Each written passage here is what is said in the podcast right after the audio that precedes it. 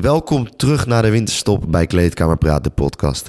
De podcast over sport, lifestyle, mindset en inspirerende verhalen. In deze aflevering is Dirk de Vries de gast. Hij is ex-BSB'er, heeft jarenlang bij Defensie gewerkt en heeft nu een eigen onderneming genaamd Wees Voorbereid. Ik vond deze aflevering weer geweldig en ik wens jou heel veel luisterplezier.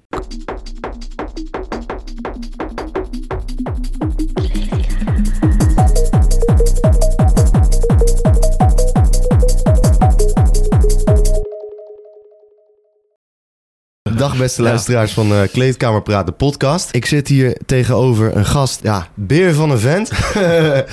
en ehm, ik heb een beetje onderzoek gedaan naar wat je allemaal hebt gedaan en meegemaakt. Je hebt een cv waar je u tegen zegt, tenminste ik wel. Je hebt bij Defensie gewerkt, ik vind dat jij een heel mooi verhaal hebt. Ik zit tegenover Dirk de Vries. Misschien dat jij jezelf even uh, heel kort kan voorstellen. Dan weet de luisteraar het ook uh, tegen wie het hebben. Nou ja, uiteraard. ja, hartstikke bedankt jullie omdat ik sowieso hier mag, mag zijn bij Kleedkamer Praat. ik ben na Dirk uh, de Vries. Ik woon in Amsterdam met mijn partner. Uh, inmiddels alweer 42 uh, jaar. ik heb 16 jaar, ruim 16 jaar bij Defensie gewerkt. En ook al een heel aantal jaren bij, ja, als security en, crisis consultant. Mm -hmm. heel veel gereisd ook met name. veel internationaal gewerkt. En inmiddels eigenaar voor het bedrijf dat heet Wees Voorbereid. Oké. Even in een, in een notendop. Ja, wanneer ben jij begonnen bij uh, Defensie? Dat is al een hele tijd terug. Dat is in de vorige eeuw zelfs nog. Oké. Toen was ik nog niet eens geboren. November 1999 uh, ben ik opgekomen. Oké. Ja, dus uh, toen was ik 18, had ik net mijn HAVO afgemaakt. Mm -hmm.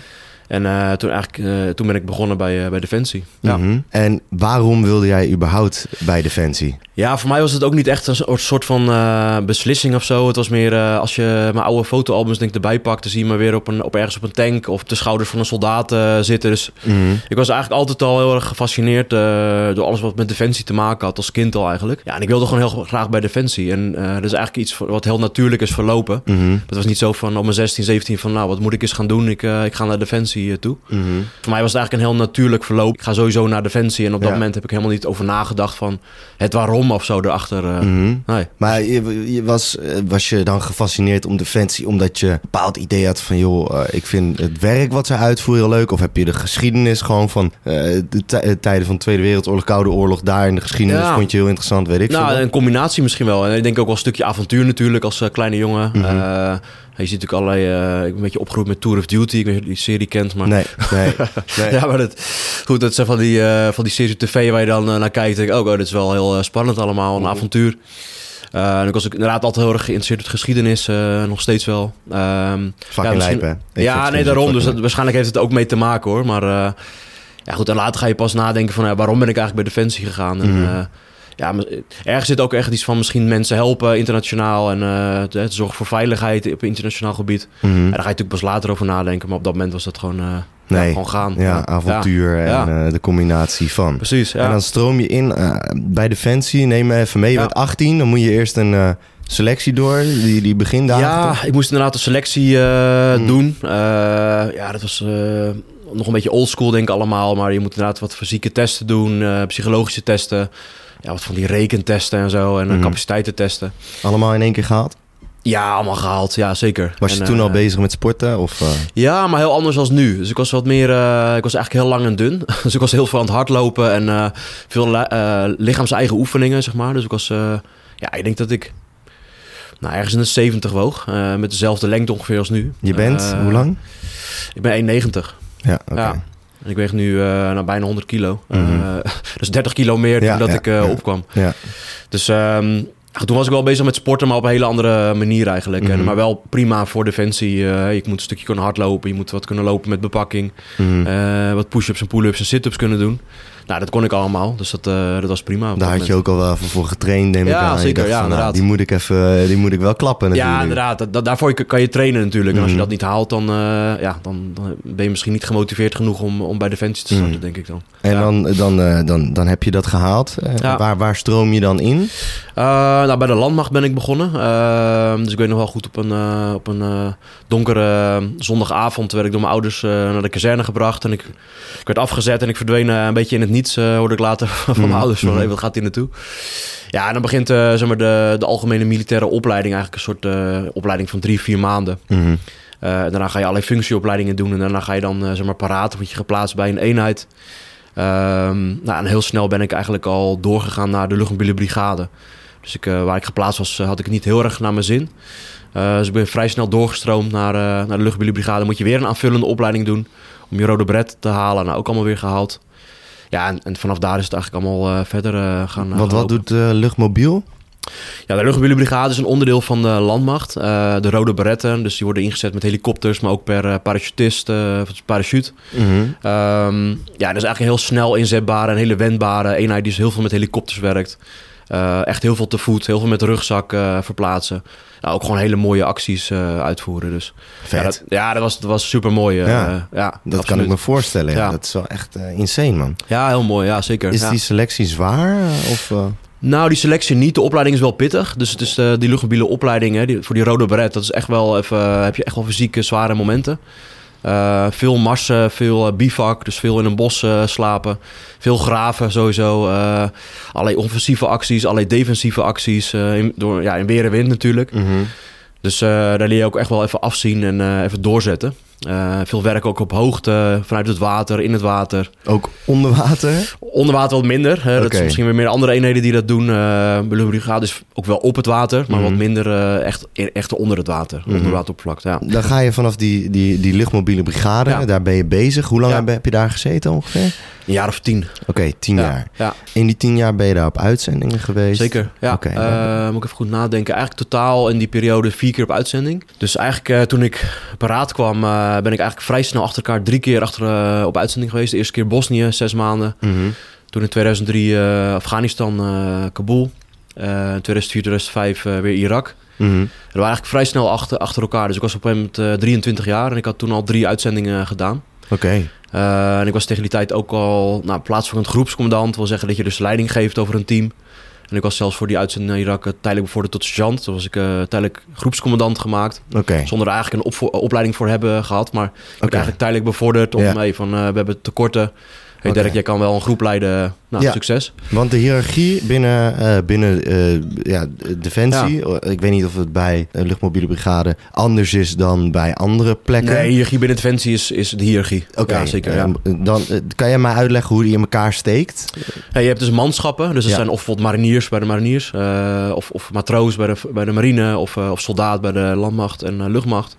Eh, dan heb je natuurlijk onderofficieren. Dat zijn meer de, het middenmanagement. Dus echt de, ja, de mensen op de werkvloer die, die teams aansturen. Mhm. En eh, die echt mee, eh, mee vechten en mee, meewerken. Meewerkend voorman, zoals het er mooi heet. En je hebt natuurlijk officieren die ja, weer echte managementfuncties. Dus die personeelszaken doen, maar ook wat meer achter hun bureau zitten. En wat meer leiding geven, maar vanuit een, ja, vanuit een, eh, zeg maar een andere rol. Mhm. Ehm, je moet bijvoorbeeld kijken, bijvoorbeeld een peloton. Dat is dan ongeveer 30 mensen. Ja. Heb je zeg maar ehm, ja, drie of vier onderofficieren, één officier. En de rest is allemaal manschap, dus soldaten of corporaal. Oké, Dus oké. beetje, eh, En zit daarboven dan nog wat? Boven officier? Ja, er zit altijd iemand boven je. Ja? ja, er zit altijd iemand boven je. Oké, oké, oké. Ja, nee, sowieso. Ehm, je hebt natuurlijk ook weer hogere officieren. Dus, maar je begint als luitenant, als, eh, als officier. Oké. Ja, en eigenlijk tot en met eh, natuurlijk generaal aan toe kan je... Eh, En jij bent maken. begonnen als soldaat dan? Ja, precies. Neem ik aan. Klopt. En toen corporaal. Nou, binnen landmacht werkte iets anders bij de marine. Maar je wordt dan vanzelf op een gegeven moment corporaal. Mhm. Toen heb- ben ik wel onderofficier geworden. Dus dan moet je weer een aanvullende opleiding doen. Koninklijke Militaire School. Dus dan leer je natuurlijk eh, nou, leiding geven met name. Mhm. eh, maar ook omgaan met personeel, gesprekstechnieken, lesgeven. Heel veel, heel veel instructie geven. Mhm. Eh, heb ik eigenlijk de rest van mijn leven heel veel aan gehad. Want ik heb daar echt de basis geleerd in ja, het aansturen van teams. eh, het omgaan met personeel, gesprekstechnieken. instructie geven. ja, eigenlijk die opleiding is gewoon heel erg goed. En wanneer was dan de eerste uitzending waarbij je dan die, ook die verantwoordelijkheid droeg? Dat heb Nou, die had ik eigenlijk dus al voor die militaire school, omdat ik dus tijdelijk bevorderd. ja, dus in ja. Irak had ik al ja, de verantwoordelijkheid over een groep mensen. en dat was je tweede uitzending? Of derde? Derde. Derde uitzending, oké. En na die Koninklijke Militaire School, dus na die opleiding. eh, er zijn allemaal weer verschillende opleidingen die je doet. Je hebt ook een specifieke opleiding voor groepsstand bij de luchtmobiele brigade. Mhm. Die duurt ook negen maanden, is ook best wel een pittige opleiding. Toen ben ik nog een keer in 2008 naar Oeruzgan, eh, Afghanistan geweest. eh, waar Nederland toen ongeveer vier, vijf jaar de leiding over had in de provincie in Afghanistan. Eh, toch zo'n beetje 4000 militairen, bijna permanent, die daar gestationeerd waren. Ehm, en dat was ook wel gelijk de meest heftigste uitzending. Oké, Ja. oké. Want wat maakte die, die uitzending dan zo heftig? Ik heb verhalen Ja. gehoord natuurlijk van... andere mensen die ik al heb geïnterviewd. Hille was er geloof ik in 2008, 2009. Ja, oh ja, ja. Hille Hillinga. Ja. Eh, Nou, ik zat een beetje rond die tijd eh, met hem. Eh, volgens mij zat hij ook bij het 12e bataljon. Ik zat toen bij het 11e bataljon. Oké. 12e lost ons af. eh, ja. ja, we maakten het anders. Kijk, eh, in Bosnië, eh, Afghanistan de eerste keer in Irak. Mhm. Eh, met name Afghanistan en Irak, daar gebeurt natuurlijk altijd wel wat. Mhm. Eh, ja, en misschien als ik zeg van nou, er valt af en toe een raket in of zo, dan, dan denk je van oh, maar ja, op een gegeven moment went dat ook wel, weet je wel. En dat is dan niet zo heel spannend op een gegeven moment. Ja, ja. Eh, ook al valt hij binnen 100 meter of zo, maar ja, op een gegeven moment denk je ook van ja, goed, eh, de kans dat hij op mij valt is wel heel klein. ja, het luchtalarm gaat dan af of zo. De Ja, alarm op de baas gaat... Het luchtalarm gaat meestal af nadat eh, de eerste raket is gevallen. En dan wordt er iemand wakker en die drukt op een knop. Hé, hey, we moeten het alarm af laten gaan. En dan gaat iedereen in, in van die bunkers, ja, in de bunker of ergens. je moet dekking zoeken natuurlijk als eerste. Ja. En er zijn ook wel eens wel mensen beschoten hier en daar. Er is ook wel eens een, een IED afgegaan, zeg maar een, een, een bermbom. Mhm. improvised explosive device. ja. Die is daar in, in de eerste keer Afghanistan ook wel eh, afgegaan. Is ook wel iemand bij overleden toen helaas. Maar Irak ook wel wat, eh, wat dingetjes. Maar Oeruzgan was echt een eh, ja, gevechtsmissie. Ook werd destijds een beetje afgeschermd of afgeschilderd als een politieke missie. Maar er werd gewoon keihard geknokt ja, jarenlang door Nederland. Oké. Ehm, en dat heb, ja, heb ik ook aan de lijve eh, ondervaren. Dus eigenlijk alles wat ik toen voor getraind had... Ja, hè, met oefeningen en trainingen, dat hebben we eigenlijk daar in de praktijk eh, kunnen brengen. want dat was Ja. in de, die uitzendingen daarvoor, was dat eigenlijk minder. Ja, was minder. Was ook wel. eh, er zijn altijd, ja, ik heb altijd verhalen over uitzendingen, maar vergeleken met die uitzending was dat wel eh, een stuk minder. Ja, zeker. Maar daar was je al wel gewend om de leiding te nemen. ja, zeker. Ja, klopt. En ook in een, zeg maar, een hoog risicogebied te opereren of te, op te treden, Ja. dat was voor mij niet nieuw. Maar deze missie was wel echt anders dan, dan anders. Ja, en zeker. hoe, hoe, hoe ga je daarmee om, dat, die spanning? Ja, goed. A, je bent natuurlijk echt goed opgeleid. Dus ik Ja. moet zeggen, ik was toen ook een beetje in mijn, eh, denk ik, mijn eh, piek van... eh, en natuurlijk, je piekt op verschillende momenten, maar op leiding geven... op dat moment was ik echt wel op mijn piek van, van mijn kunnen, denk ik. Als Mhm. groepscommandant was ik gewoon ontzettend goed getraind. Ik was ook ervaren toen al tegen die tijd. Ehm, ja, en ik was gewoon helemaal mijn element. Ook met name daar. Dus...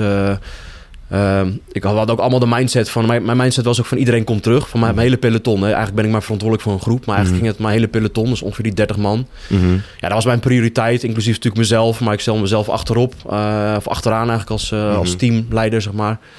Ehm, het team gaat dat altijd voorop in die zin. En mijn doelstelling was, mijn mindset was... iedereen komt weer eh, terug. En daar had ik alles voor, eh, voor over. Dus Mhm. En wat was... eh, ik, ik, ik snap dat je dan niet per se helemaal in detail mag treden. Weet ik niet of dat ja, mag. je kan helemaal in detail treden. Ja, dat ja, kan? Ja, zeker. Met die wat- missies wel. Ja, Ja, oké. want Ja. ja, ik weet niet hoe dat... zo, kan ook gevoelig liggen. Ik Nee, dat helemaal niet. Oké. Nee hoor, zeker niet.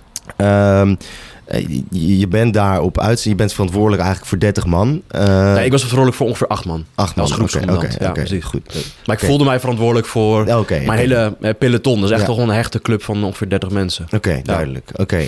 Dan eh, zeg jij van dat was wel echt serieus knokken. Ja, ik beeld me nu even in dat jij in een, in een stad staat in Afghanistan en daar gewoon eh, tussen allemaal steegjes eh, aan het vechten bent tegen toen destijds de Taliban. Taliban. Of ja, ik weet niet of het. eh, Ja, ik kan je misschien even meenemen naar... Ja, eh, ja, ik ben er heel eh, benieuwd Het is naar. niet zozeer een verstedelijkt gebied. eh, Oké. waar wij opereerden was met name... Het, het, het gebied heette Chora. En dat is Mhm. vanuit een white compound. Dat was eigenlijk gewoon een grote... Ja, zeg maar een soort villa midden in een eh, echt een dorp. Mhm. En het dorp stond weer midden in een soort, noemden we dan de green zone. Dus eigenlijk een heel groen gebied. Met eh, hier en daar wat huisjes, maar met name gewoon bebossing. Eh, heel dicht begroeid. In de periode dat wij er waren in ieder geval. Eh, en daarnaast gewoon woestijn, een beetje steppen idee daaromheen. Oké. Maar in die green zone heb je dus heel onoverzichtelijk gebied.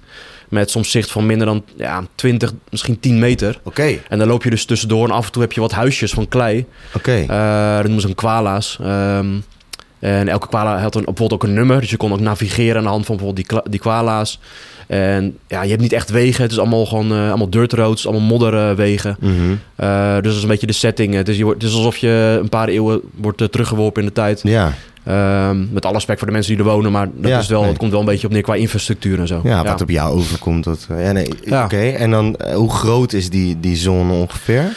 Ja, dat is mega. Dat is tientallen vierkante kilometers. Oké. Eh, dus we hadden ook niet de illusie dat wij eh, op elke uithoek overal constant invloed konden uitoefenen. Mhm. Want we deden natuurlijk wat wij konden. En op zo'n white compound zat je ongeveer met een mannetje of 80 eh, in totaal. Dus twee pelotons plus ondersteunend personeel, misschien 90 man. Mhm. White Compound. Ja, dus de witte compound dat was gewoon eigenlijk dus een soort villa die daar Oh ja, dat was de villa. Dat was onze basis, Ja, onze ja. forward operating base, zoals het heet, onze FOP. Ja, sorry, ik zal af en toe twee- dingen twee keer vragen, want ik... ik Ja, ik probeer zoveel mogelijk dingen uit te het- leggen. Ja, het is, zijn heel eh, veel dingen en dan, eh, ja. dan haak ik er even op in. Nee, En gewoon doen, Ook heb je dat al gezegd, ik probeer Ja. goed te focussen. Dus, ja, eh, snap ik. Top. eh, maar goed, je- dan zit je in zo'n eh, in zo'n zone van tientallen vierkante kilometers.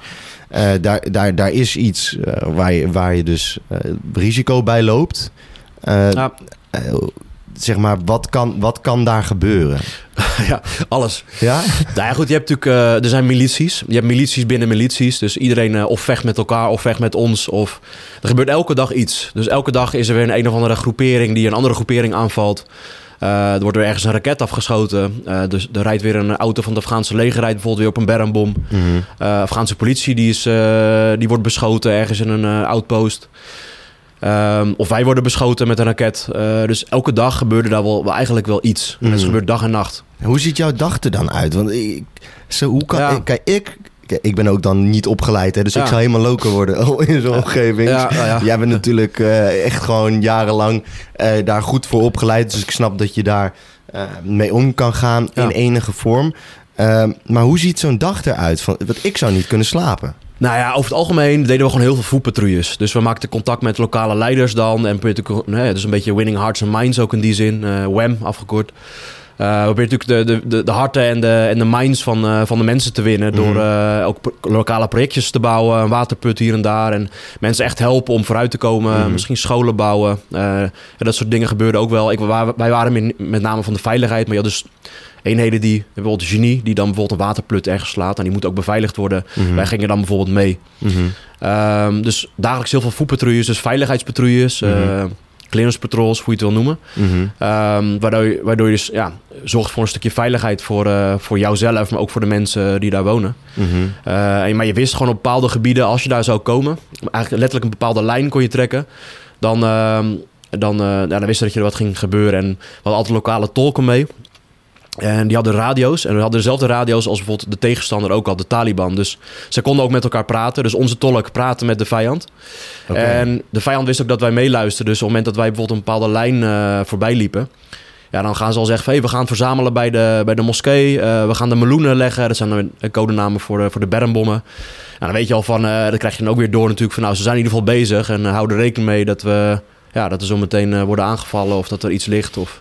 Mhm. Dus dat, uh, ja. Oké, okay. en dan... Uh, je weet dus dat er constant wat kan gebeuren. Ja. Heb je ook echt zelf oog in oog gestaan met in zo'n situatie? Nou ja, waarschijnlijk wel. Je weet natuurlijk nooit of mensen. Kijken kijk, naar jou. Nou ja, kijk, op een moment dan heeft iemand een wapen in zijn hand. En je draait je om en een wapen zit in een hooienbaal verstopt. En je draait je weer om en het wapen is weer gepakt en hij schiet weer op je. Dus okay. uh, je kan natuurlijk niet. Mensen, de, de vijand heeft daar geen uniform aan. Dus nee, uh, je kan heel moeilijk burgers en. En uh, combatants, zullen we zeggen, mensen Ja. die gevechtshandelingen uitvoeren van elkaar onderscheiden. Um, daarnaast het contact op hele korte afstand dat ik heb gehad, lees dus dat er mensen met Kalashnikovs op je schieten op 20 meter ongeveer. Zo. Um, ja, ik heb ze nooit uh, helemaal gezien. Silhouetten en wat uh, mondingsvuren, dus vlammen en een hoop rook, een hoop stof. Mm -hmm, mm -hmm. Maar niet echt dat er iemand heel duidelijk voor mij stond. Uh, dat heb ik niet gezien, omdat, die, omdat ze ook wel slim waren natuurlijk en zich verstopten in uh, bijvoorbeeld bomen of struiken of gewassen. Waar wij ze dus niet goed konden zien. Zo. Ja. Man, dat is, uh, ja. dat is echt lijp dat je dat soort dingen hebt meegemaakt. Ja, ja zeker. Achteraf, uh, dat was een van mijn eerste keren was ook gelijk uh, fullpool.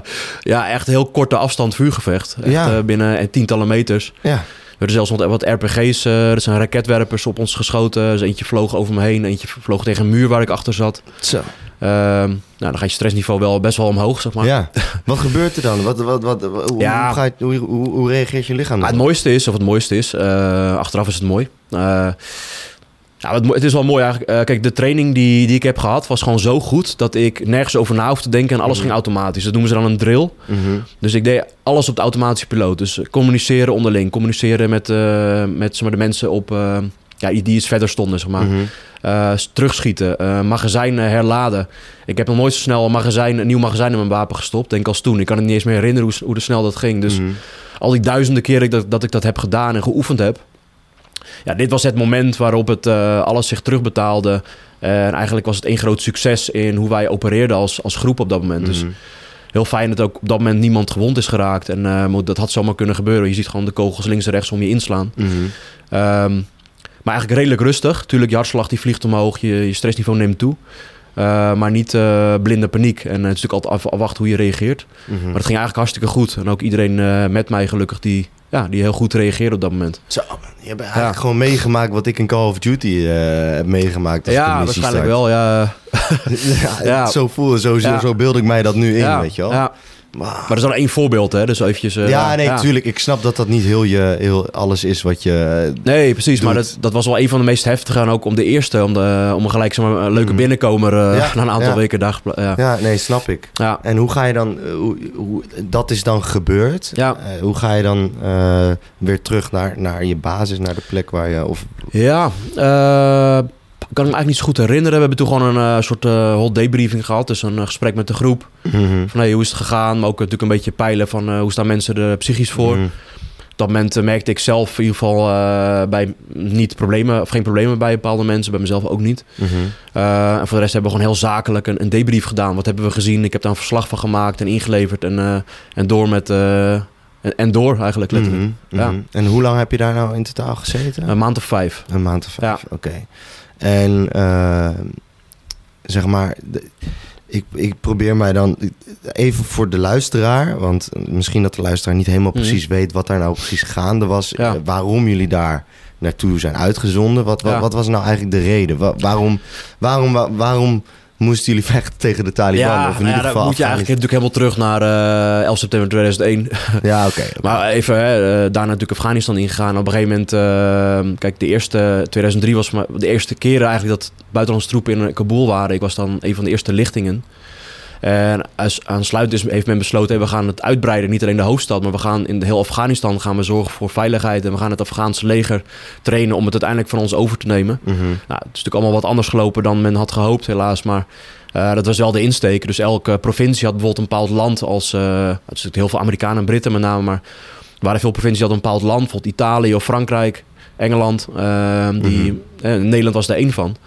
Eh, we hebben dat eh, ongeveer vier of vijf jaar gedaan voor één provincie. Wat voor Nederland echt wel... eh, ja, als hard, hard trekken, zullen we zeggen, aan de hele defensieapparaat. We, we Mhm. hebben echt toen wel met, met, voor mij met 4000 man constant daar gezeten.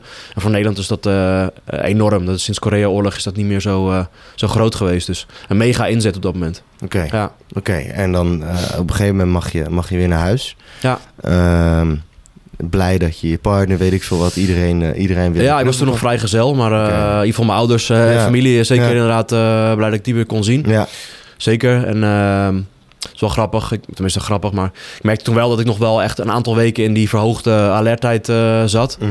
Toen kwam terug zo'n beetje, eh, ja, eind december. Eh, Mhm. Nou, dan heb je natuurlijk heel veel vuurwerk eh, om je heen. En ik weet dat ik met eh, een collega op straat liep, eh, die eigenlijk mij later zou, die zou ook later die kant op gaan. En op een gegeven moment ging er een, eh, zo'n eh, vuurwerkpijl af met zo'n zo'n klap. Nou, automatisch lag ik onder een auto midden op straat. Dus eh, ik denk van, oké, ik hoop dat niemand mij gezien heeft. Ik moest ook heel hard lachen. Maar ja, je zit toch in echt een alertheidsmodus. Ja, zo gedrild ook. misschien. Ja, gedrild. Ja. Ik- dus ik, jij denkt daar helemaal niet bij na. Nee. En kijk, het, dat is ook normaal. Hè? Ik bedoel, je kan niet schakelen van de een op de andere dag naar Nee. van nul van honderden weer terug naar nul. Dat Nee, gaat niet. Het heeft tijd nodig. Ehm, en bij mij is na enkele weken nam dat gewoon af naar eh, bijna nul. Mhm. Of sommige mensen blijven daar hangen en, en ja, dan kan je dus mogelijk eh posttraumatische stress ontwikkelen. Mhm. Nou, ik heb dat in ieder geval niet gehad. Eh, maar er zijn heel veel mensen die dat wel hebben gehad natuurlijk. Mhm. Ja. Ja, zeker. Ja. Ja. heftig. Ja. Dan, eh, dan ben je weer in Nederland. eh, de uitzending Ja. gehad. Ehm, waar, waar, waar beweeg jij je dan op dat moment binnen het eh, apparaat genoemd Defensie? Want Ik ja, beweeg mij. Ja, ik, heb toen, eh, ik ben toen naar een andere eenheid gegaan binnen de luchtmobiele brigade. Dat heet het Pathfinder Peloton. Ja. Ja, dat is weer een soort zeg maar, speciale eenheid binnen de luchtmobiele brigade. Die verkenningspeloton, die weer wat speciale missies uitvoert voor de luchtmobiele brigade zelf. Eh, ja, een hele mooie eenheid, heel klein. Ik ben er ook bijvoorbeeld Special Forces Medic eh, geworden. mhm. Eh, ik heb daar alle helikopteropleidingen gedaan die ik, die ik kan doen. Wat mag je dan doen? Mag je dan zelf ook vliegen? Helaas niet. Dan moet je piloot voor zijn bij de luchtmacht. Ja, maar ik mocht bijvoorbeeld wel... Dus achter een helikopter, je hebt natuurlijk verschillende manieren... om bijvoorbeeld troepen af te zetten op Mhm. een locatie. Dat kan natuurlijk gewoon landen en dan stijg je uit. Dan stap je uit de helikopter. Mhm. Eh, daar heb je verschillende methodes voor. Maar het kan bijvoorbeeld zijn dat de ondergrond heel drassig is. Dan blijft de helikopter hangen en dan moet je bijvoorbeeld op een bepaalde manier eruit springen. Kan ik zijn dat je aan een touw naar beneden glijdt. Eh, dat noemen ze fast ropen. Nou, ik was dan instructeur fast ropen. Eh, je kan ook opgepikt worden bijvoorbeeld van een olieplatform met een touw, een soort touw. Dat heet dan weer spijriggen. Daar was ik ook instructeur op. Dus eh, ik kon overal was instructeur op gemaakt om, ja, om maximaal, zo zeggen, helikopteroperaties te kunnen, te kunnen Oké, uitvoeren. Ja. Oké, en eh, ik heb gezien dat jouw naam staat gegraveerd in... Ja, Waar, waar was het? Schaarsbergen inderdaad. Eh, Dat is ook van de Home of the Brave. Eh. ja, de 11e luchtmobiele die is daar geplaatst. Toen is in ieder geval een groot gedeelte ervan, een ander Mhm. gedeelte in Assen. Maar ja, ik heb toen de Pathfinder opleiding gehaald. Daar moet je een aantal opleidingen voor doen om, dat, om die Pathfinder wing te halen die Mhm. hem op je uniform mag dragen. Eh, en ik sta nog steeds inderdaad op het bord. Eh, en ik heb afgelopen, toevallig afgelopen week mijn coin gekregen. Nummer 22 ben ik van alle Pathfinders eh, van Nederland. dus je was ook de 22ste eh, ooit? Of, ja, de werkt 22 dat Pathfinder die opgeleid was. En er zijn er inmiddels 67. Het zijn er niet zoveel, maar dat maakt Nee, het ook wel weer leuk. Ja, dat Ja. is zeker. zeker. En heb je dan ook uitzendingen gedraaid als... eh, Als Pathfinder niet. Nee, het was met name heel veel opleidingen trainen. Maar ik heb daar heel veel profijt van gehad, ook weer later. Toen ik dus de overstap maakte bijvoorbeeld naar, eh, naar de Brigade Speciale Beveiligingsopdrachten. Dus Ja. weer een eenheid van de, Ja. van de Marechaussee. Ja, dat is natuurlijk. da- als ik. Ik heb met een aantal mensen gesproken. eh, over de BKB. Nou, dat, dat is. dus- BSB, ja, precies. BSB. Ja. Dat is echt een ding. Blijkbaar. Het, is echt, het schijnt echt een van de lastigste. Tenminste, wat ik hoor dan. Hè? Ja, Een van de meest. ja. Hoe, ik wil niet per se elite noemen. Maar ik wil het wel. nou, ik wil het wel zo noemen. Ja, Ja, is het elite? ja. nou goed, elite. eh er is er altijd concurrentie onderling natuurlijk. En wat is nou Special Forces en wat niet. ja. Kijk, het is natuurlijk een speciale eenheid van de Marechaussee. Ja. Dat is een feit. En hoe je het wel noemen, ja, mij maakt het persoonlijk niet zoveel uit. Nee, oké. Ehm, ja, en of je het elite wil noemen, ja.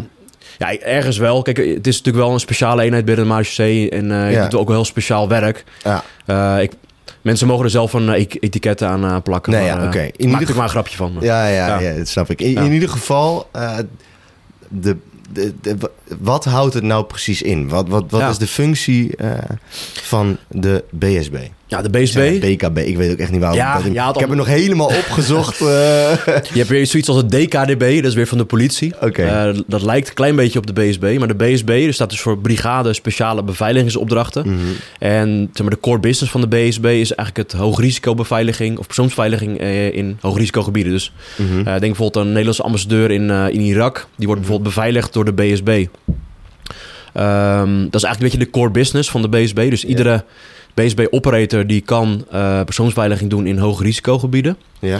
Maar daarnaast heeft de BSB bijvoorbeeld ook een eigen arrestatieteam en ook, ook een eigen observatieteam. Mhm. Ja, dus het is eigenlijk een, eh, een heel zelfstandige eenheid die verschillende taken ja, heel zelfstandig uit kan voeren in, in hoogrisicogebieden.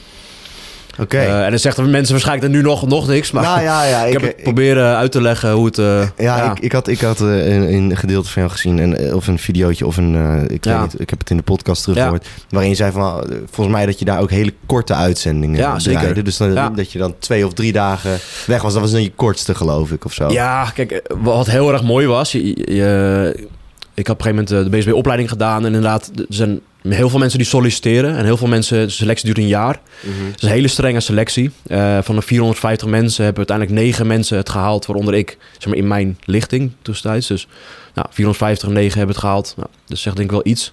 Eh, en niet dat ik dan bijzonder ben of zo, maar ik ben in ieder geval door alle hoepeltjes heb ik heen eh, kunnen springen op een of andere manier. goed, toch? Ja, het lijkt me denk ik iets goed Dan gedaan. mag je ook credit voor nemen. Nou ja, goed, ik was in ieder geval eh BSB operator op een gegeven Ja. moment. Medewerker bijzondere opdrachten heet het. Ehm een van mijn eerste opdrachten was heel bijzonder. het is bijzondere opdrachten. Ehm, ja, we moesten toen met een aantal generaals mee. Die gingen op bezoek naar Afghanistan toen nog. Mhm. En we hadden daar lokale teams, die waren er al geplaatst. En ik en een collega die vlogen eigenlijk mee met deze generaals. En dat ging destijds met de Gulfstream van de Nederlandse overheid of een privéjet. Mhm. Dus wij zaten met z'n tweeën samen met een, eh, met een hoopje generaals eh, en wat, wat aanverwante Mhm. lui. Zaten we in, eh, in die privéjet. Nou, alleen dat is natuurlijk al heel bijzonder. Wie, Ja. wie vliegt er nou een Gulfstream? Bijvoorbeeld Nederland heeft eh, één, één zo'n, eh, zo'n vliegtuig aan beschikking. Ehm, en dan vlogen eigenlijk heel Afghanistan eh, door. Dus van Mazar-e-Sharif, dat is weer een stad. Toen weer naar Kabul, toen weer naar een andere plek. Eh, toen weer in de, in de buurt van Dubai. Minhat was een, een airbase eh, die er zat. Dus al met al duurde dat 48 uur. waarvan ik meer uur in de vliegtuig heb gezeten dan zeg maar, boots on the ground heb gehad. Mhm. Ehm, ja, dat was mijn, een van mijn eerste buitenlandse opdrachten. Ik denk, oké, nou, dit is, dit is wel interessant. Ja, zeker. Heel wat anders dan bijvoorbeeld Oeruzgan natuurlijk. Met vijf maanden lang Ja. ehm, ja, met, met, met 40 kilo eh, bepakking eh, Mhm. door, de- door de green zone sjouwen. Mhm. Dus dit was wel even eh, heel mooi werk, heel anders. Maar je moet ook alert zijn, want uiteindelijk heb je als zeg maar onderofficier heb je heel veel verantwoordelijkheid. Uiteindelijk ben je verantwoordelijk voor een, voor een generaal. voor iemand die de leiding heeft over de Nederlandse krijgsmacht. Mhm. Ehm, en zorgen dat die in ieder geval veilig blijft aan alle tijden. Dus Ja, ja, ja, Ja. mooi. Maar aan de andere kant heb je natuurlijk ook wel een grote verantwoordelijkheid. Natuurlijk. Ik Ja. denk dat je als je zo'n... Want daar, wil, daar wilde ik nu Ja. eh, vragen over stellen. Is, hoe, hoe is die training? Hoe, hoe, hoe, Ja. hoe, gaat die opleiding in zijn gang? Want ik bedenk nu echt van... Oké, ik heb Kamp van Koningsbrugge een beetje gekeken. Ja, Eh, ik vond dat al wel redelijk heftig. Kijk, Eh, Kamp van Koningsbrugge is met name heel ge- gericht op het korps commandotroepen. Ja. Maar dat is totaal ander werk dan wat de BSB doet. Heel ander Mhm. werkveld. Ehm, en de BSB ja, bestaat echt een hele andere opleiding ook. Hele andere trainingen. Dus je moet denken aan bijvoorbeeld eh, elementen uit eh, aanhoudings... eh, dus arrestatieteam mhm, module. mhm. Observaties, heel veel observaties in verstedelijk gebied, in het eh, bosrijk gebied. Eh, mensen volgen op straat, aanhoudingen op straat, binnen in het publiek domein, zou ik zeggen. Dus je traint ook daadwerkelijk tussen, eh, bijvoorbeeld in een winkelstraat ga je iemand aanhouden. Iedereen zit te kijken, hey, wat gebeurt hier? Mhm, Niemand weet natuurlijk dat het een training of een oefening is. Ehm, autorijden is een rode draad. Dus je, ja, je rijdt met bijzondere verrichtingen. Dus over busbanen, eh, 200 plus over de snelweg. Ja, daar, moet je, daar moet je kunnen, daar word je voor getraind. Mhm. Nou, schieten natuurlijk op verschillende wapensystemen. Dat is echt tot in treuren ga je dat eh, doen. Ook weer zo'n basis helikoptertraining zit erin, medische training. Eh, en natuurlijk heel veel trainen van persoonsveiliging in hoog- hoogrisicogebieden. Dus het rijden met, met voertuigen, met auto's, eh, meestal Toyota Land Cruisers. En als er een Toyota Land Cruiser wordt beschoten en die valt uit, die kan je niet meer gebruiken. Ja, wat doe je dan? En er zijn allerlei drills en procedures voor. En dat, ja, dat oefen je met name heel veel in zo'n Mhm. opleiding bijvoorbeeld. En het fysieke aspect daarachter. Ik, want ik, moet- Ja. ik kan me ook voorstellen dat je als je zo'n eh, onderdeel bent van zo'n eenheid, waar dus zoveel mensen in afvallen tijdens de selectieprocedure, dat je ook fysiek op en top helemaal moet zijn. Ja, je moet fysiek eh, in orde zijn. Je moet fysiek, eh, er zijn echt wel pittige momenten. Maar Wat zijn dan die pittige momenten? Ja, ehm, bijvoorbeeld elke week is een zwemles. En dat, dat, is, eh, dat klinkt een heel suf, maar zwemmen was een van de zwaarste dingen in die opleiding. Ehm, dat is eentje, maar bijvoorbeeld ook wat een hele week lang alleen maar fysiek. Dus dan was een speedmars van 20 plus kilometer met bepakking. Eh, nou, dan ga je wel even aan de bak. Ehm, ja, allerlei eh, een brancard er ligt er iemand op een brancard, die moet je dan kilometers lang... eh, Weet je, met weinig slaap moet je dan die eh, weer verslepen. Dan heb je weer een opdracht tussendoor. Dus dan moet je weer de hele nacht door opdracht voorbereiden. Opdracht uitvoeren. En je gaat gelijk weer door. Je moet dan weer in het zwembad eh, liggen over een uur. En ja, zo gaat het de hele week eh, door. Dus het is niet zo fysiek bijvoorbeeld als in een eh, commandoopleiding... waarbij je echt heel veel gaat graven, heel veel gaat marsen met be- bepakking. eh, met een rugzak omlopen. Ja, dat doe, dat doe je natuurlijk bij de BSB niet, omdat het heel ander werk is. Ja. Dus op andere, andere manieren is het weer, eh, weer pittig en zwaar. Mhm. Eh, en ook fysiek zeker. Ehm, maar het is toch wel anders bijvoorbeeld dan een commandoopleiding. Mhm. Ja. Kan jij je een punt herinneren waarin je er tijdens die opleiding gewoon helemaal even doorheen zat? Of was dat niet zo? Was niet zo. Nee? Nee, Daar was denk ik ook geen tijd voor, anders had je het niet gehaald. nee ook dat. ja. Eh, ja, het meest vervelende was dat je ook bijvoorbeeld gewoon in het weekend piket, piketdienst had. Dus dan eh, ga je naar huis. Maar dan word je op zondagochtend gebeld van... Hey, over vier uur moeten we weer op de kazerne zijn, want dan begint het weer. Onverwacht, weet je wel. Dus, of, of nog korter. Dus, eh, Mhm. Maar nooit een moment gehad dat ik denk van... nou, ik zit er nu doorheen. Mhm. ik, van, ik, ik genoot gewoon eh, van die 32 opleidingen eh, bijna elke dag. En Mhm. ja, het was soms heel zwaar. En soms was het ook niet leuk. Maar over het algemeen altijd wel...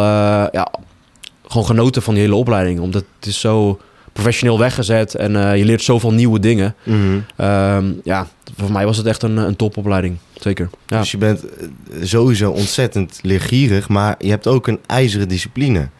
Dan vraag ik me, hoe, hoe dan, weet je wel? Eh, Ja, hij is een discipline. Ja, ik denk het. Nou ja, ik denk ja. niet dat je, dat je al dat soort dingen kan doen. Ook leiding geven binnen groepsverband. Dat dat ook wel iets is. Daar moet je wel...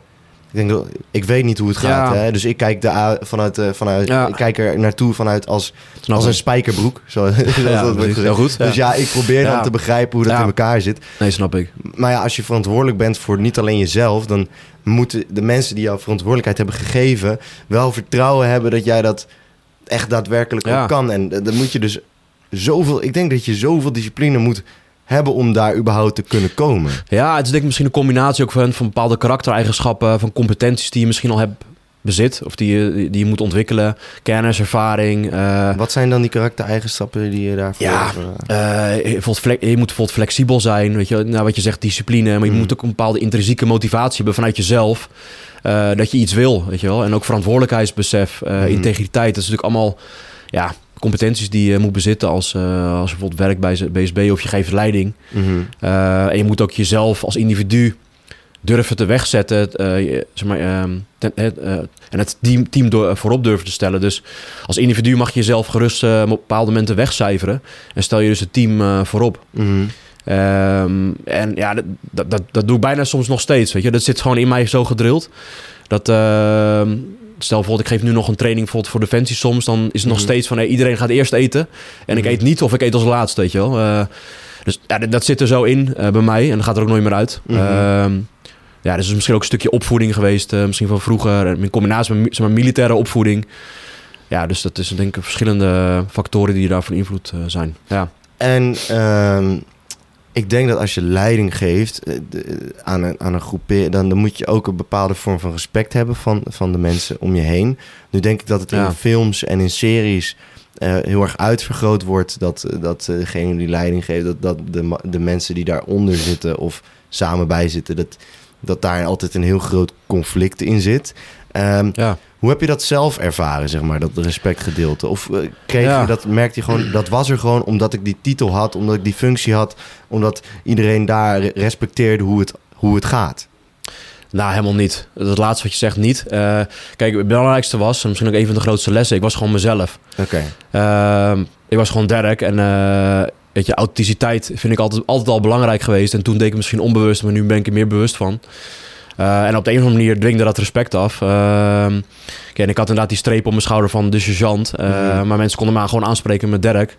dus die, die setting, in ieder geval bijvoorbeeld binnen Oerskan destijds, die, dat peloton was gewoon heel informeel. Mm. Maar op het moment dat de leiding werd gegeven, luisterde iedereen, iedereen naar mij, weet je wel. Mm. Dus ik kan tijdens zo'n vuurgevecht geef je heel directief leiding. En dan wordt er misschien wel eens gescholden, wordt heel kort kan ik bijvoorbeeld tegen jou bijvoorbeeld iets zeggen. Zoals?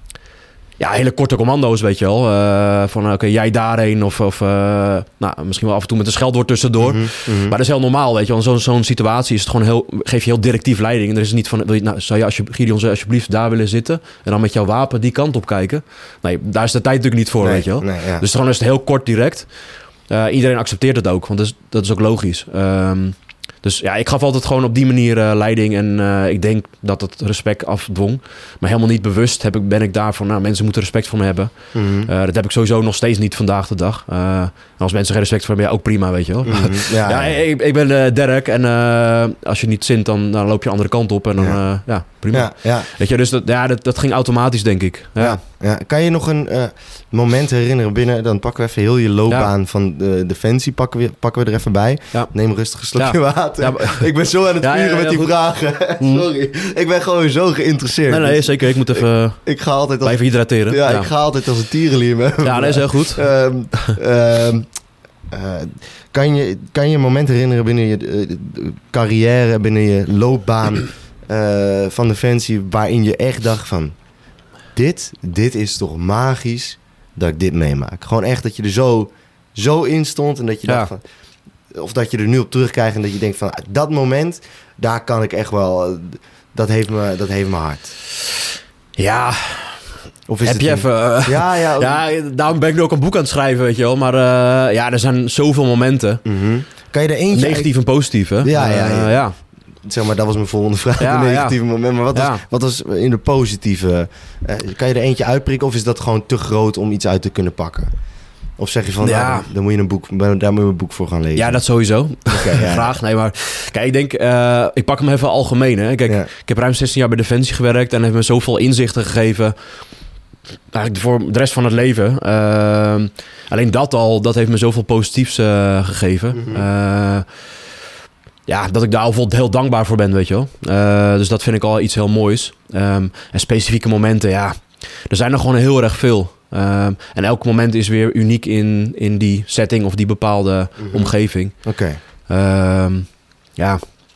Ja. Dat is lastig. Uh, lastig. Ja, het is lastig ja, om even een specifiek voorbeeld ja, uit te lichten. Snap ik, snap ik. Zijn er dan wel momenten dat je echt dacht van... nou, nu zit ik er echt helemaal doorheen. Eh, mentaal, fysiek, weet ik veel wat, binnen je loopbaan. eh. Ja, nee, zeker. Bijvoorbeeld in zo'n luchtmobiele opleiding, maar ook in zo'n groepsgewande opleiding luchtmobiel. Ja, daar word je echt fysiek en mentaal ga je echt door wel een aantal dalen. Mhm. En ook, ik heb nog wat andere opleidingen tussendoor gedaan, trainingen die ook... en dan was het weer voor een of andere... Om weer ergens instructeur op te worden, moest je ook weer eh, fysiek en mentaal, weet je, ook weer helemaal... eh, eh, moest je ook weer door een mangel. Dus ja, op dat soort momenten dacht ik ook weer van... Ja, waar- ben ik mee bezig, weet je wel? Mhm. Zit je weer om drie uur s'nachts in een regenachtig bos... een bevelsenschrift te schrijven onder je poncho in de regen... met weinig eten en slaap. En eh, denk wat ben ik aan het doen, weet je wel? Ja. Dus ja, dat, dat soort momenten heb ik heel vaak gehad. Ja, zeker. Ja. ja. Ja. Over slaap, ik ben ik gewoon heel benieuwd naar. Is, eh, ik heb het gevoel dat iedereen die bij Defensie zit, eh, op mensen die echt problemen hebben met slaap, Ja. dan maak ik het onderscheid natuurlijk al. Maar Ja. eh, ik heb het gevoel dat iedereen gewoon een hele makkelijke manier heeft om in slaap te komen. Maar is dat een vertekend beeld voor mij? Ja, dat is denk ik een vertekend beeld. Tenminste, Mm. dat denk ik. Eh, ik denk niet dat het zo per definitie is. Maar kijk, slaap is natuurlijk super belangrijk. Er zijn ook allerlei onderzoeken die dat aantonen. En je hebt zoiets als slaapdeprivatie, oftewel een slaaptekort voor, lange, voor een langere tijd. Ja, dat gaat je gewoon opbreken. En het kan echt levensgevaarlijke situaties eh, opleveren. Dus eh, slaap in die zin is, is zo'n belangrijke factor. Maar la, wel laat het zo zijn dat binnen Defensie dat je vaak eh, eh, weinig slaapt. Mhm. Ehm, maar dat is ook training. En uiteindelijk ook operationeel. Dus in uitzendingen en missies. Ja, heb ik soms ook heel weinig geslapen. Omdat eh, de missie dicteerde ja, eh, zeg maar de, eh, het werk wat ik deed. En soms betekent dat gewoon heel weinig slaap per nacht. Mhm. Twee, drie uur. Oké, En dan moet je weer door. Maar je, je werd dan denk ik voornamelijk getraind dus op het omgaan met weinig slaap. Ja, ja. Eh, werd je ook getraind op het eh, je moment pakken voor slaap? Of zeker. Ja. Oké, hoe gaat dat in zijn werk? Ja, rusten als je kan. Dus eh, kijk, de- iedere, ehm, iedere militair die zo'n, bijvoorbeeld zo'n opleiding heeft gedaan... die weet op het moment dat jij 10 minuten hebt... Mhm. eigenlijk langer dan 10 minuten... dan is het eigenlijk het moment om je slaapstuk uit te rollen en te gaan slapen. Oké. Zeg maar een kwartier, laten we dat... oké, oké. Ja, dus elk, weet je, of 10 minuten ga gewoon ergens liggen bij een boom... en pak die 10 minuten slaap. Als je echt eh, dat soort oefeningen draait... Mhm. en je kan rusten, dan ga je rusten. En dan maakt niet uit hoe je slaapt. Staand, zittend, liggend op een stuk hout... eh, in, in een viertonner, als je zo'n vrachtwagen, als je verplaatst wordt van A naar B. Ja, je slaapt op de meest wazige plekken. En ik kan eigenlijk nu nog steeds. weet je, ja, een comfortabel bed is natuurlijk lekker en een Mhm. kussen. Mhm. Maar je kan ook prima op een, eh, op een tapijt ergens op harde vloeren slapen. Met een opgerold eh, truitje als kussen, weet je wel. Dus Ja, daar heb ik toch echt Ja. een paar drankjes voor nodig. ja, dat snap ik. Ja, dat helpt natuurlijk altijd wel. Maar eh, ja, dus dat is wel weer grappig. Want dat is natuurlijk niet iets van eh, dat ik het dagelijks doe of zo. Mhm. Maar stel dat het moet en eh, dat komt zo voor, dan eh, heb ik daar geen problemen mee. Oké, oké, oké. Ehm, Dan besluit je op een gegeven moment om een punt te zetten achter je defensiecarrière. Ja. Ehm, waarom eh, die keuze? Nou, ik kreeg eigenlijk een goede. Dus ik was eigenlijk langer bezig om te kijken buiten Defensie. Ehm eigenlijk na 16 jaar vond ik het wel een beetje mooi geweest. Enerzijds had ik alles wel zo'n beetje gedaan wat ik wilde doen. Ehm ook privé. eh, ja, dacht ik van de situatie privé. Ja, wilde eigenlijk zo zeggen dat ik ook eh, misschien iets anders zou doen. Tenminste, dat wilde ik eigenlijk zelf. Dat vond ik wat makkelijker. eh. Want eh, wat was, wat, ja, als je daarop in wil gaan. Ja, ja, zeker. Dus ik had toen een partner tegen die tijd, al een jaar of twee, drie. Dus ik ben getrouwd met een man. Mhm. Nou, dat was de binnen natuurlijk altijd wel lastig. Ja. Ehm, ja, daar dus, ben ik ook nog benieuwd naar. Ja. Ja, nee, vraag wat je wil. Ja. Maar, ehm, maar ik merkte wel van, ja, weet je, het is er altijd een beetje manoeuvreren om bepaalde dingen heen. Op een gegeven moment was ik er ook wel een beetje klaar mee. En Mhm. dit was niet de hoofdreden dat ik ben weg bij de Defensie. Maar dat, dat was wel- dat draagt, droeg wel bij, zeg maar, aan het feit dat ik eh, om me heen ging kijken buiten Defensie. Oké. Ehm, ja, En wat met betrekking tot je seksualiteit. Hè? Kijk, Ja. als, ik, als ik defensie voorstel, ja, dan stel ik me een wereld voor waarin hetero, heteroseksualiteit de norm is. En dat als je afwijkt van die norm, dat je ook op een andere manier wordt aangekeken. Eh, dat, Ja. dat, dat is, zo denk ik, hè? Want dat Ja. is. eh, ik weet niet waarom ik zo denk, maar dat zit Ja. in mijn hoofd. Eh, ik weet niet of het een logische, of het een goede beredenering is. Denk het niet, maar Ja. dat is wel hoe dat in mijn hoofd zit. En ik denk dat het met meer mensen binnen deze Ja. maatschappij zo is. Hoe, hoe, hoe ging je daarmee om? Want vanaf welk moment wist jij van oké, ik ben niet heteroseksueel? ja, dat was ik 12 of 13 of zo. Ja? ja. Ja? Ja. Kwam je daar toen ook 14 al openlijk voor uit? Nee, helemaal niet. Oké. Nee, nee, zeker niet. Het heeft jaren eh, geduurd. Oké, Toen was ik echt eind 20 pas, toen ik dat eh, aan mensen ging vertellen. Ja. oké. Ja, mensen eh, die dicht bij mij stonden in ieder geval. Ja. Oké, want hoe, ging je daar dan daarvoor mee om? Want dat moet je ook opvreten. Ja, zeker. Dus het was natuurlijk een lastige periode. Ik, ja, ik, kijk, dat is ook een beetje van mijn van boodschap. Hè. Uiteindelijk moet je gewoon eh, eh, voor je geluk, eigen geluk gaan. En niet Mhm. zozeer eh, afhankelijk zijn van wat mensen van jou vinden en van jou verwachten. Mhm. Alleen in mijn hoofd toen ja, had ik allerlei verwachtingspatronen van die, die, wat mensen van mij zouden verwachten. Hè. Ik bedoel, ik was dan de enige zoon van de familie. Dus ik moet dan de naam eh, voortbrengen, Mhm. de achternaam. Dus ik moet zorgen voor kinderen. En dat was heel traditioneel. Mijn ouders zijn eigenlijk niet zo. Die zijn best wel gewoon open en die hebben mij niet zo opgevoed. Maar dat is meer in mijn hoofd wat toen speelde. Natuurlijk binnen Defensie is eigenlijk wat je schetst. eh, eigenlijk klopt het een grote lijn. eh, zeker 20 jaar geleden, 15 jaar geleden klopte dat zeker. En gelukkig is zit er nu wel enigszins een kentering in. Dat er veel meer eh, openheid over is. En veel meer acceptatie van ja, doe gewoon je ding. Mhm. Weet je wel. En dan is het allemaal goed. Mhm. En zo sta ik er zelf natuurlijk ook in. Eh, had je misschien al een beetje ingeschat. Ik bedoel, ja, Ja, nee, zeker. dus ik, ik hoef helemaal geen speciale behandeling of zo. Integendeel, weet je. Ik ben Nee, gewoon... eh, maar kijk, je, ja, je groeit ook als Ja. mens natuurlijk. Ja, maar ik kan me voorstellen dat als je, als je 18 bent, 1920, ja, en je, je, jij, was je toen de enige die, die dat wist van jezelf? Of wisten nog meer mensen in je omgeving het toen al? Of zeg je echt van nou, op eind 20 vertelde ik dat echt pas aan de, e- aan de eerste beste ja mensen? dat laatste. Oké, Ja, dus je ja. weet dan als enige Ja, van oké, dit ben ik. Ja En- klopt. Eh, of eh, misschien dat je daar nog mee worstelde. Ja, ja, zeker. Heel erg. Oké, ja. Dus eh, ja, hoe, Ja. Hoe, hoe ga je dan, hoe ga je dan ermee om? Want, Kijk, het was gewoon, voor mij was het wat ik zei. Ik wilde gewoon bij Defensie en het, dit staat helemaal los daarvan. Ja. Ehm, maar dat maakt het natuurlijk allemaal niet makkelijker op. Dus Nee. ik heb voor mezelf wel eigenlijk een moeilijke keuze gemaakt. Maar ik wilde gewoon per se bij Defensie, omdat ik dat, Mhm, dat wilde. mhm. Ehm, ja, op een gegeven moment in de eerste jaren denk je van, ah, weet je, stop je het gewoon weg. En mijn truc was ook om gewoon heel erg met mijn werken bezig te zijn. Ehm, en ja, goed, op een gegeven moment word je een beetje 25, 26, 27. Ga je het ook nadenken van, ja, en nu, weet je wel. Dus toen begon het, eh, begon het nog meer te knagen. En op een gegeven moment ging ik wel naar... ja, ben ik naar een defensiepsycholoog geweest. Maar dat, werd ook allemaal, dat schoot ook allemaal niet, eh, niet op. Dat was vlak voordat ik naar Oeriskan ging.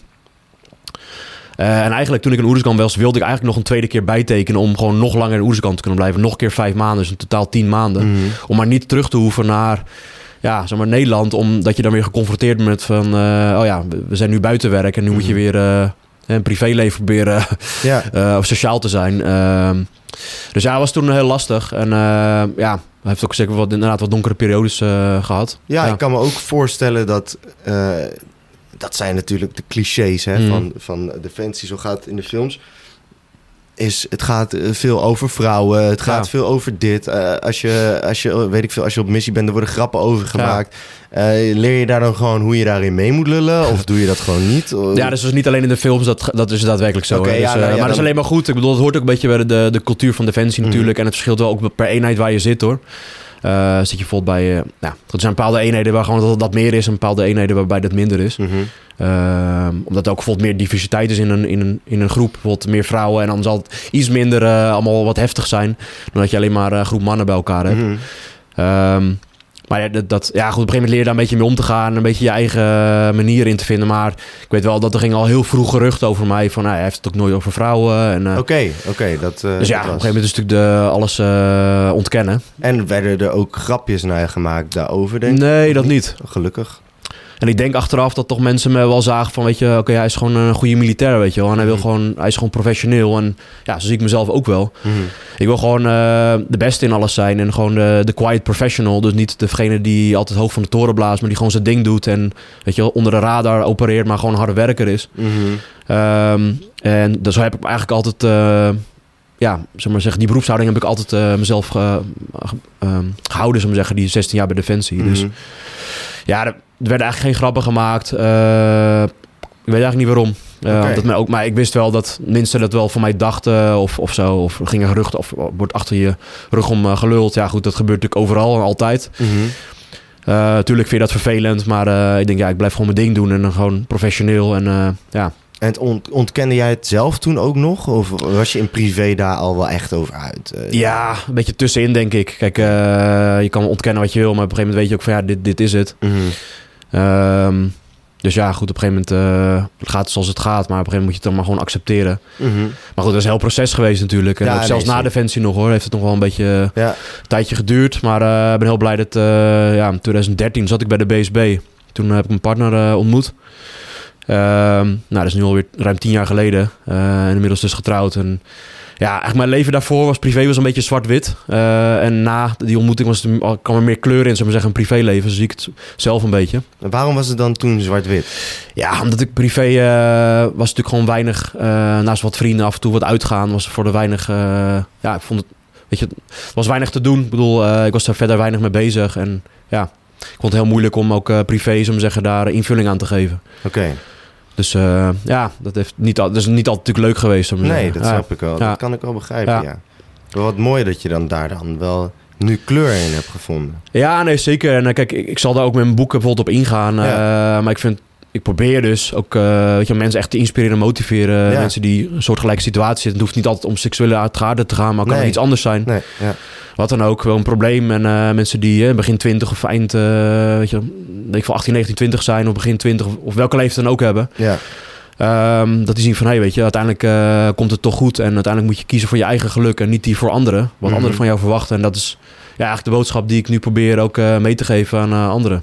Ja. Ik denk dat het ook een heel mooi compliment is naar je partner toe. Dat je eigenlijk aangeeft dat het daarvoor zwart-wit was. Ja, Eh, nou, dat weet hij en wel. eh, ja, ja, ja. ja, ja, precies. Lijkt me wel mooi om te horen. Ja, ja. Dat is eh, mooi gezegd. Nou, is echt zo, ja. Ja, mooi gezegd. Ja. En ehm, dan eh, zit je bij de BSB en dan, eh, dan eh, je, je had toen al je partner eh, ontmoet. Ja. En dan eh, denk, neem ik aan dat je er veel gesprekken over hebt met elkaar ook.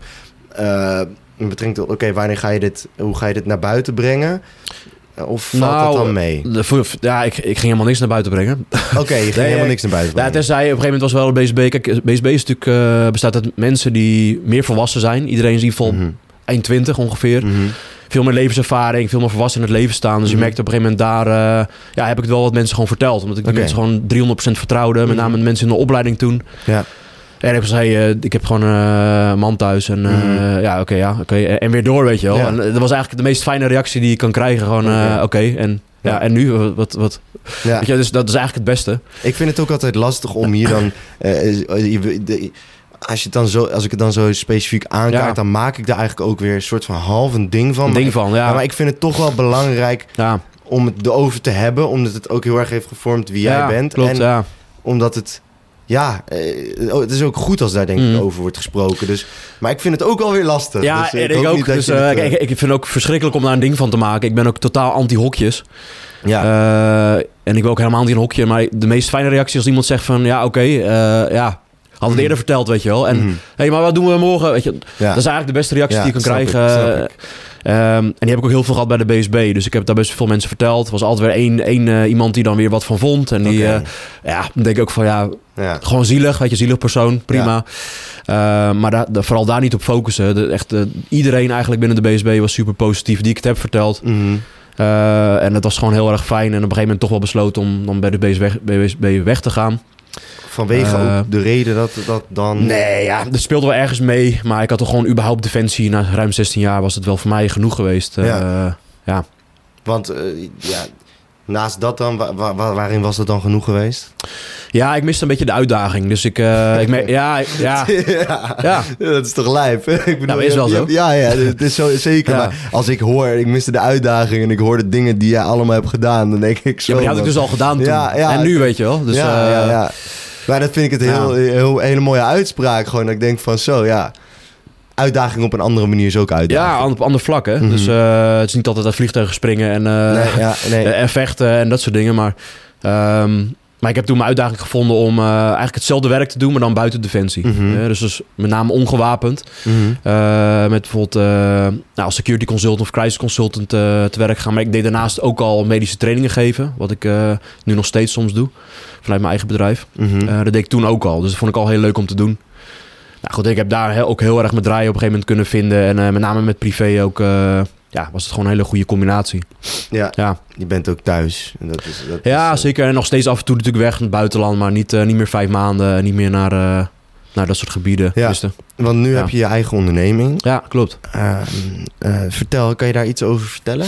Ja, zeker. Ik heb uh, een bedrijf, het Wees Voorbereid. Mm -hmm. Weesvoorbereid.nl is de website. Ja, ja. Uh, want eigenlijk wat ik doe, ik probeer mensen A, bewust te maken. En B, meer zelfredzaam en uh, meer weerbaar te maken ter voorbereiding op een noodsituatie. Mhm. Mm -hmm. Heeft natuurlijk wat raakvlakken met mijn oude werkveld. Ja.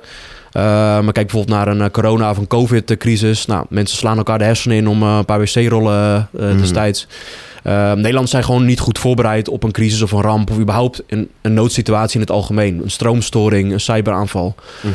en natuurlijk, dus, nu speelt natuurlijk heel veel in de wereld. Midden-Oosten, Oost-Europa. Mhm. En je ziet gewoon dat bijvoorbeeld de dreiging van een langdurige stroomstoring bijvoorbeeld neemt toe. Uh, maar Nederlanders zijn daar over het algemeen niet goed op voorbereid. En ik probeer met mijn uh, uh, bedrijf in ieder geval mensen bewust te maken... en ook online cursussen bijvoorbeeld aan te bieden... op nou, hoe moet ik dan medisch handelen bijvoorbeeld, tactisch Mhm. medisch handelen. Mhm. Maar ook bijvoorbeeld, wat- wat moet er in een noodpakket? Waar moet ik rekening mee houden? Hoe kan ik plannen Mhm. op een stroomuitval? Uh, dat probeer ik dus met mijn online cursussen in ieder geval te doen. En daarnaast geef ik ook echt hele uitdagende trainingen. Eentje daarvan is de 10-hour First Responder Challenge... waar mensen tien uur lang fysiek en mentaal worden uitgedaagd... met allerlei scenario's die ik zelf heb meegemaakt. Uh, en is eigenlijk gewoon non-stop word je daar, uh, ja, krijg je alle scenario's voorgeschoteld. Uh, waarbij het medische handelen eigenlijk de rode draad is. Oké, Ja, wat, wat, een- wat een gaaf iets. En wat Ja, ook, ook bedankt. iets moois. ja, nee, zeker. Uh, ja. Het draagt echt bij aan maatschappelijk welzijn. eh. ja, dat vind ik heel Vind erg. Dat is echt mijn missie. Dus ik probeer echt mensen bewust te maken van... hé, hey, er kan iets gebeuren. Mhm. En uh, gewoon op een hele Hollandse nuchtere manier... Mhm. kan je jezelf voorbereiden. Dus we hoeven geen eh, nucleaire schelkaders eh, in de achtertuin te gaan graven. Dat is Mhm. niet nodig. Maar wel even met gezond verstand een aantal dingen in orde hebben. En denk gewoon eens hierover na. En zorg eens dat je wat meer vaardigheden ontwikkelt op dit gebied en op dat gebied. Uh, ja, en daar ben ik nu mee bezig. Mhm. Ja. Eh, nee, ja, als ik dan even naar mezelf reflecteer, Ja. ik zou geen idee hebben wat Nee. wat de fuck. Ik zou Nou, kom een keer langs, uh, ja, ja, ga ik doen. Ga ik doen. Ja. Lijkt me fucking vet. Je bent welkom. Ja. dat lijkt me echt een keer leuk om te doen. Misschien dat we er een videootje van kunnen schieten, Ja, weet ik veel wat. Lijkt me, lijkt me leuk. Ehm, zeg maar, en ook in mijn omgeving, ik denk dat 99% van alle mensen die, eh, die ik ken, geen Ja. idee heeft wat ze moeten doen. Het gaat dus ook ergens niet in mijn hoofd, eh, gaat, het, eh, gaat er iets knikken van, oké, Nee. ik moet daarop voorbereid zijn. Nee. En dat kan misschien zo zijn omdat ik me te veilig voel. Ja, jij hebt misschien heel erg dicht bij onveiligheid en getraind op Mhm. dat soort situaties gestaan. Misschien dat jij ook wel iets meer kijk hebt op de wereld, op de situatie in de wereld ja. nu. Ehm, zou je daarom kunnen zeggen dat, je daar dat dat een van de redenen kan zijn? Ja, dat kan zeker. Ik, ben, eh, ik heb ontzettend veel gereisd. Tenminste, Mhm. veel denk ik. Eh, Mhm. Iets van 70 landen of zo. Best wel wat van de wereld gezien. Uh, wij zijn al Nederlands, Nederland heel erg kwetsbaar. We zijn volledig gedigitaliseerd. Mhm. Ehm, en daardoor ook kwetsbaar geworden. En ja, het is gewoon een feit dat bijvoorbeeld schepen in de Noordzee varen van eh, andere partijen, van andere landen. Mhm. Onder het mom van vissersboten, maar dat zijn het niet. Het zijn gewoon inlichtingenschepen. Die alle kabels de Noordzee in, in kaart brengen. En dat doen ze niet voor niets. Dat is niet eh, dat ze niks te doen hebben. Uh, dus er zijn gewoon partijen, eh, andere landen in de wereld die, uh, ja, die Nederland specifiek op de, op de korrel hebben. Van uh, als jullie een keer iets doen, het kan bijvoorbeeld zijn met de Oekraïne of het kan iets anders zijn. Dan drukken we met een knop en dan hebben jullie in ieder geval een aantal dagen geen stroom meer en geen internet. En kun je ook niet met elkaar bellen. Mhm. plus een economische crash van heb ik jou daar. Dus ja, dat kan gebeuren. en is ook niet heel erg ondenkbaar. Maar het kan misschien zijn hoor dat ik, uh, dat ik er anders naar kijk dan een gemiddelde Nederlander. Ja. Um, want iedereen is natuurlijk in de waan van de dag. En we zijn in Nederland heel erg veilig. We maken ons druk om dat... Uh, ik weet niet wat, wat voor onzin dingen soms zie ik op het nieuws. Dan denk ik van ja, dit kan alleen in een land waar het, waar het heel erg goed gaat. Ja, ja. Uh, dus uh, dat is misschien ook een van de dingen die ik dan een beetje relativeren van... We hebben in Nederland ontzettend goed. En dat hoor je natuurlijk is echt een dooddoen natuurlijk. Dat hoor je zo vaak. Maar dat is natuurlijk wel. Maar we zijn ook heel erg kwetsbaar. Dus als er een keer uh, WhatsApp een keer uh, 10 minuten eruit ligt... Dan, dan raakt iedereen al in paniek. Mhm. Of Instagram uh, die opent niet meer na een kwartier. Nou, dat is natuurlijk niets. Vergeleken met uh, wat er kan gebeuren... Of als de stroom een keer langer dan, dan vijf uur bijvoorbeeld uitvalt. Mhm, mhm. Um, ja, dan heeft het gewoon een totale maatschappelijke ontwrichting. En als je niet enigszins voor een aantal dagen... een klein beetje zelfredzaam bent... zelfvoorzienend en ook een stukje weerbaar bent... Uh, ja, dan heb je echt een uitdaging uh, met jou en je gezin en je partner en je dierbaren. Ja. Dus het, het is niet zo van uh, we moeten ons elke dag voorbereiden op het ergste. Mhm. Maar als jij in de basis gewoon een klein beetje bent voorbereid en je weet bijvoorbeeld hoe jij medisch moet handelen. En het kan ook al gewoon zijn op straat. Hè, dat je dagelijks dat je naar je werk rijdt en er gebeurt iets op straat, een autogeluk of heeft iemand een hartstilstand. Ja, als je er niet weet wat je moet doen, dat maakt natuurlijk wel het verschil van leven en dood. Dat soort situaties focus ik ook op. Hè? Dus Mhm. ook dagelijkse noodsituaties, zoals ik het maar eventjes noem. Ja, ja, ja. Ja. En um, ik denk ook dat als je in Nederland... Ik bedoel, hoe lang zijn we nu al veilig tot tussen aanhalingstekens land? Zeg maar, wanneer is de laatste keer dat wij ons in Nederland echt in ons huis onveilig hebben gevoeld? Is dat tijdens de Ja. Koude Oorlog geweest of is dat daarvoor zelfs nog geweest? Dus ja, je goed. eh, je hebt de Tweede Wereldoorlog. Daar hebben we het over ruim 80 jaar geleden. Ja. Eh, Koude Oorlog waarschijnlijk, met nucleaire dreiging. ja, dus moet je Misschien nagaan... met COVID, ik weet het niet. Misschien mensen zich onveilig voelden. Ja. Ja, maar ja, Ja. dus, Anders. dus moet je nagaan dat dat... Ik denk dat 80 jaar eh, of Ja. veiligheid, ook de mens, inclusief mij... Ja. Ja, eh, gewoon eh, le- lekker in de couch. eh, Ja, TV. Ook vooral blijven doen, weet je wel. En het is Mhm. natuurlijk, eh, ik heb focus niet alleen op de grootschalige zaken. Nee. Het is natuurlijk, je hebt het over een- bijvoorbeeld een oorlog. Eh, nou, die kans is gewoon heel erg klein Mhm. dat dit gebeurt. Niet Mhm. ondenkbaar, maar die is nooit nul. Mhm. Ehm, maar bijvoorbeeld ook als een keer bijvoorbeeld een brand is bij, in je huis... en je hebt je zaken niet in orde, of brand bij de buren... of een keer een ergens overstroming... eh, of een cyberaanval. Dat zijn natuurlijk reële zaken. Of een, over, eh, wat ik al zei, een overstroming. Dat zijn wat meer zaken die, ja, die wat, wat meer denkbaar zijn. Bijvoorbeeld dat een totale oorlog waar Nederland bij betrokken raakt. En ook nogmaals, die, is, die kans is niet 0%. Die is natuurlijk wel toegenomen in de laatste Mhm. jaren, helaas. Ja, Want hoe is jouw kijk? Ja, misschien dat, die kant moeten we helemaal niet op eh, misschien Nee. duiken van eh, de hele situatie rondom Oekraïne, de wereld, wereld, wereldorde. Mhm. Ehm, ja, zijn jouw consumenten, zijn dat eh, particulieren of zijn dat echt eh, eh, grote, zijn dat bedrijven? allebei, maar zijn met name particulieren momenteel. Eh, bijvoorbeeld met die first responder training. Eh, ja, focus ook op wel, uiteindelijk wel ook op bijvoorbeeld management teams. Mhm. Mensen die dus als een soort teambuilding willen doen. Die dus Mhm. elkaar willen leren kennen. Die willen leren om leiding te geven onder druk. en ook nog eens een keer medische skills willen leren. Mhm. Omgaan met stress, dat soort zaken. Maar zijn met name tot nu toe particulieren. En daar focus ik eigenlijk ook op. eh, vooralsnog. Maar Mhm. ehm, ja, bedrijven zou eventueel zeker ook eh, kunnen. Ja, Mhm. managementteams en dergelijke. Mooi. En Ja. je bent ook nog eens bezig met het schrijven van een boek. Klopt, ja. Vertel. ja. Ja, nou, dat, dat boek gaat dus met name over eh, heel veel operationele verhalen. Dus je vroeg net, hè, van noem eens een voorbeeld. Nou, Mhm. in het boek probeer ik zoveel mogelijk voorbeelden die mijn leven echt hebben veranderd. en waar ik ook lessen uit probeer te trekken en die lessen weer mee te geven aan andere mensen. Die probeer ik in het boek weg te zetten. Eh, maar ook mijn privéleven natuurlijk. Van hey, eh, nou, getrouwd met een man. Mhm. Worstelingen met mijn geaardheid destijds. daar heb ik het ook over in het boek. Dus het wordt een beetje een combinatie van enerzijds ja, heel veel spannende verhalen, denk ik, op uitzendingen, op missies. Ook missies waar ik wat minder over mag vertellen, maar die probeer ik in het boek toch wel enigszins te omschrijven zonder echt op detail eh, in te gaan. En daarnaast natuurlijk mijn, mijn privéleven waar ik wat dieper op inga. Mhm.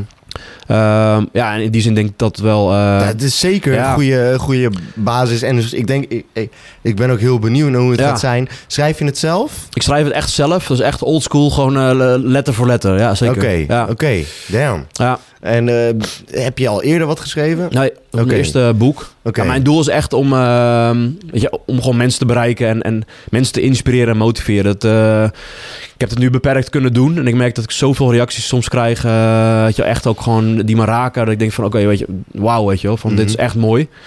Dus mijn doel met het boek is echt om nog groter impact te kunnen maken eh, Ik vind het knap. met een bepaalde boodschappen. Ik heb ze natuurlijk net al wat aangehaald, maar dat is, eh, dat is eigenlijk mijn grote wens. Ja, zeker. Oké, ehm, en dan eh, heb je al een titel voor het boek? Eh, jee. Eh, nog, nog niet? Ja, nee. ja, ja, ja. Ja, die heb ik wel, maar dan die zou ik hem ook lekker voor jezelf houden. Als je hem vol al had Ja. en je wist al wat het ging worden... en misschien Ja. als teasertje eruit knallen. Net iets te weinig water. Juist. Ja, hydratatie is belangrijk. Geen magnesium genomen. Nee, juist. Ja, Dat soort niet goed gegeten. Ja. Ja, niet goed gegeten, nog geen avond gegeten. Nee, Lekker doorlullen. ja, Maar maar goed. als zolang het er maar niet nog een keer inschiet. Jij denkt ook, wat de fuck gebeurt me hier Ja, nou? ik, ik, moet- ik, moet gaan, eh, ik moet gaan handelen, maar eh, het viel mee gelukkig. Oh ja, ja. ja. Ik heb dat ook. ik, heb, ik voetbal, dus dat heb ik dat soms nog wel. Ja, En eh, ook met sport, eh, benen trainen, weet ik veel wat. ja, ja, ja. Soms schiet het er gewoon even in, man. Never skip, eh, skip leg day natuurlijk. maar, eh, wat ben jij? Wat ben jij? Wat bench ik? Ik heb geen idee. Ik doe nooit aan eh, personal eh, records. Oké. Oké. Wat, eh, wat, wat maar ik je pak erop? wel eens de dumbbells van 50 kilo met chest press. Ik weet niet of dat, eh ja, dat, meetelt. zeker, dat zeker een prestatie. Ja, maar ik, ik, ik ben helemaal niet mee bezig, joh, met, ehm, met, met hoeveel of zo. Mhm. Nee. Nee. Natuurlijk, ik hou het wel een beetje voor mezelf, maar ik ben nooit met PR bezig of zo. Mhm. Oké, in ieder geval, ik had net kramp. Ja. maar Misschien dat ik het eruit heb geknipt. Ik zweer het je, alles vloog over tafel heen. Ik, ik dook gewoon over tafel heen, Ja. als het ware. Nou, ik, ik schrok er zelfs van. eh, Ja? ja. Oké, nou, Mag je best schrikken. weten. Niet schrikken. Nee. Het is allemaal oké gegaan. Ja. Wel een mooi verhaal. ja, zeker. Ja. Ehm, we gaan even terug naar, Ja. naar, eh, naar je boek. Ja. Wanneer komt het toch weer uit? ja, ik hoop kwartaal 2 volgend jaar ongeveer. Oké. Ja, ja, Kwartaal 2 volgend jaar. Mooi. Is, eh, Ik ben- streven. Ik Ja. ben heel benieuwd. eh, Hopelijk eerder, maar... Ja. Ja. En ben je niet bang dat, dat, dat je het... eh, zeg maar, het is de eerste keer dat je ooit echt zelf een boek schrijft. Ben je op de hoogte van hoe het narratief gaat zijn? Heb je al een idee van, oké, zo wil ik het laten verlopen? Of schrijf je gewoon letter voor letter en laat je daarna...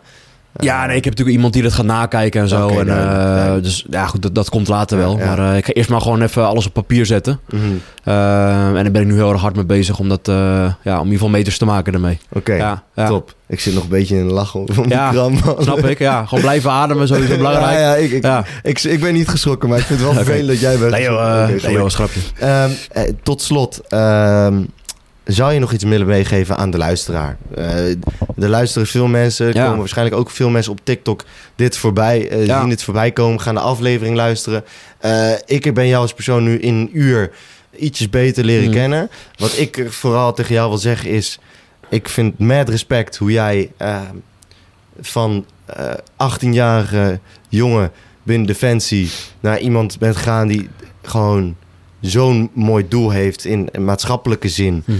Eh, en ik vind dat je er ook prachtig over kan vertellen. Dankjewel. Eh, dus ik vond het echt eh, een exceptionele aflevering zoals ik ja, die, jij bedankt Gideon. zoals ik die het allerliefst wil hebben. Ja, Ja, en je, je, je was al gelijk ready om mij te helpen bij, bij, bij Ja. mijn bij mijn Want de. AID had ik al aangesloten bijna bij je, maar het was niet nodig.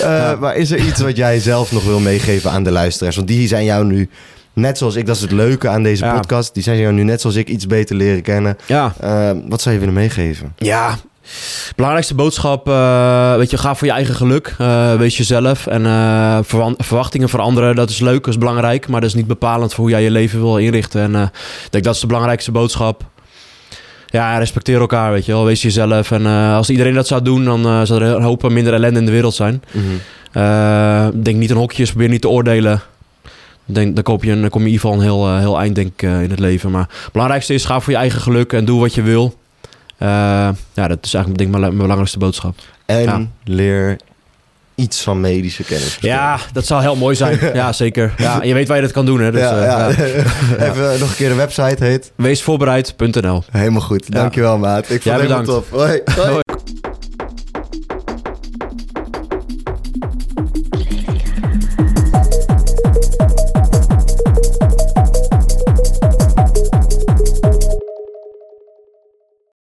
Bedankt voor het luisteren naar Kleedkamer Praat, de podcast. De volgende week zijn we er weer met J-Way. Ik heb er heel veel zin in. Tot volgende week.